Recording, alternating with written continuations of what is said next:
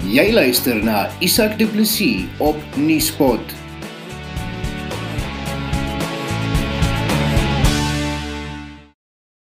Kinders is die slagoffers van 'n hernieude vlaag van bendegeweld op die Kaapse vlakte. In een van die jongste voorvalle is 'n 17-jarige seun dood na hy en 'n vriend in kruisvuur tussen twee bendes beland het. Nathaniel Eybrims van Bondeheuwel is dood weens skietwonde aan sy kop. Volgens berigte is 'n 11-jarige seun gewond tydens 'n soortgelyke voorval in Menenberg. Ander voorvalle is ook in Leonsdale en ander dele van die Kaapse vlakte aangemeld. Nuuspot het met die DA raadslid Angus McKenzie hieroor gepraat. Kom ons begin met die naweek uh, se voorvalle. Ehm um, ek sien daar's uh, twee kinders wat in 'n uh, kruisvuur beland het. Een is dood, maar ek het ook gesien daar's in ander dele van die Kaapse vlakte ook 'n uh, kind of twee dood geskiet die afgelope naweek. Kan jy dalk vir ons 'n bietjie meer inligting gee? Yeah, so we've uh, in, in Bondival that I can speak with authority on. We've had one. Um, I think he was a 15, 16 or 17 year old boy that was shot dead. Uh, I think that was late on Friday night. Um, as for across the Cape Flat, I, I, I, cannot confirm those numbers for you, but we have had one, a young person shot and killed in Bondival over the weekend. Uh, dit lyk uh, as 'n mens die berigte lees asof daar weer 'n skielike toename in bende geweld op die Kaapse vlakte is. Is dit so en hoekom? Yeah, so what we've seen since the uh, at the end of level four and going into level three lockdown, which started on the 1st of June, we've, we've seen this sudden spike in gang related shootings uh, across the Cape Flat. And, and, and this can be attributed to, to, to various things. One, the, that, you know, lockdown is sort of um, eased down, so there's not the, the heightened level of police visibility taking place. There's the school of thought that also speaks to the fact that a number of uh, prisoners uh, that were released uh, by the uh, state by the state president, and a lot of those prisoners having some form of connection to gangsters being brought back into uh, communities.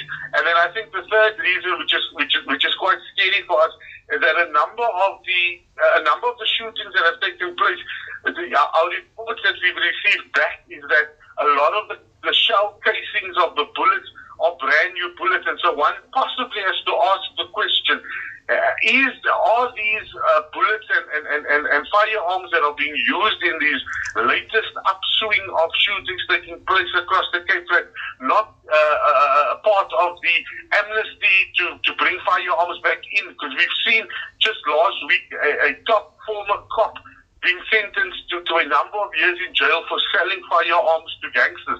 So there's various reasons for uh, what, what has taken place. It's very difficult to put your hand on it. But I think for sure the fact that, that, that with the restriction change and, and, and, and a number of, of, of, of, of areas that were highly populated with uh, law enforcement officials, SANDF and SAPS, has now sort of toned down and which has allowed the opportunity for gangsters to play games again. gaan die uh nuwe aktiwiteite ook gepaard met ehm um, die verspreiding van dwelms en ander onwettighede jy het nou gepraat van die uh wapens the the primary driver of gang related activity and gang shootings with drugs. It is the peddling and the selling of drugs. It is the fight for turf war. It is the fight between gangs to sell their drugs on a, in, in certain parts of certain areas. It's the fight to get uh, uh, drugs into areas from from bigger drug uh, bigger gangsters that wear suits and ties so uh, these things ripple down from the top down. It's not a bottom up approach. It comes from the top. And, and, and, and a lot of these, these, these, gangsters and children gangsters that are, are, are being used are really just being forced into this sort of activity by gangsters that, that, that we seem to think are well sought after individuals. Daar word al lank al beskuldigings uh, uh, na die uh, polisie geslinger oor hulle betrokkeheid. Jy het dit ook nou genoem ten opsigte van die verspreiding van wapens. Ehm um, hoeveel legitimiteit sit agter die beskuldigings? Look, I think at the end of the day, uh, in terms of our constitution, the South African police services are there to protect and serve the residents of this country. What we have sadly seen are two very worrying aspects. If one looks at the police to population ratios in Cape Town and in the Cape Flats, you will find that we that that the that what we should be having in terms of United Nations standards is one officer to every 200, 300 people. What we're seeing on the Cape Flats is one officer to sometimes 10 or 20,000 people. So we don't have enough policemen to fight the issue on the ground in the Cape Flats. That's the first thing. The second hugely problematic for us is that we're really only seeing about a 3% conviction rate of gang-related crimes. So that says to you that if police arrest 10 people today for gang-related activities, whether that be the shooting and killing of people, illegal firearms or drugs, literally seven of those ten people are going to be are, are not are going to be, but are walking the streets within 24 hours of being arrested. So the low conviction rate is a huge problem as well. And what we found in Bonteheuwel with the deployment of our 100 law enforcement officers last year, which saw us bring down gang-related crime by over 50%, is that very same people that are being arrested by our law enforcement officers and sent to the nearest police station for booking and charging are, are, are the same people that our guys are having to arrest consistently all the time because our criminal justice system has failed. And so not only has, has, has prosecuting criminals and gangsters been a problem for the South African police system and the court system in this country, but our court, our, our, our prisons are no longer seen as, as reformatory places, but rather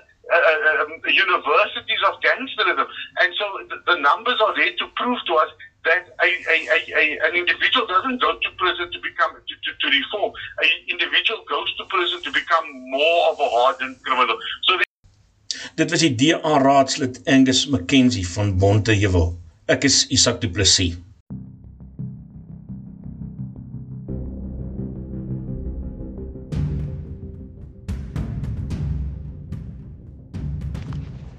Krisistye vra krisisbesluite en krisisbesluite moet lei tot oplossings binne 'n tyd van opdraandes en uitdagings. Solidariteit help in hand is gewoond daaraan om krisistye en krisisbesluite te oorkom met besluite wat lei tot oplossings. In hierdie koronakrisis het ons die Josef Silo krisisbesluit geneem. Dis 'n projek waar ons in 'n gesindheid van help mekaar Josef Silos reg oor die land ingerig het. Hierdie Josef Silo se bedoeling is dat daar waar jy ekstra het en te veel het of 'n oorskot het, jy afdra sodat ons kan herverdeel en binne gestruktureerde en geordende wyse armoede kan verlig. Binne 'n struktuur sterk en tog 'n reuse verskil in die samelewing waarin ons woon en werk. Die tyd van uitdagings wat gevoed word deur die Josef Silos. Jy kan bydra tot hierdie Josef Silos gaan na die webwerf www.josefsilos.co.za en word deel van die oplossing in 'n krisistyd.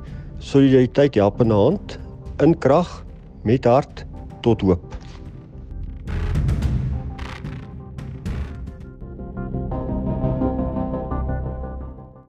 Adverteer nou op Nuuspot. Besoek nuuspot.co.za vir bekostigbare advertensie tariewe.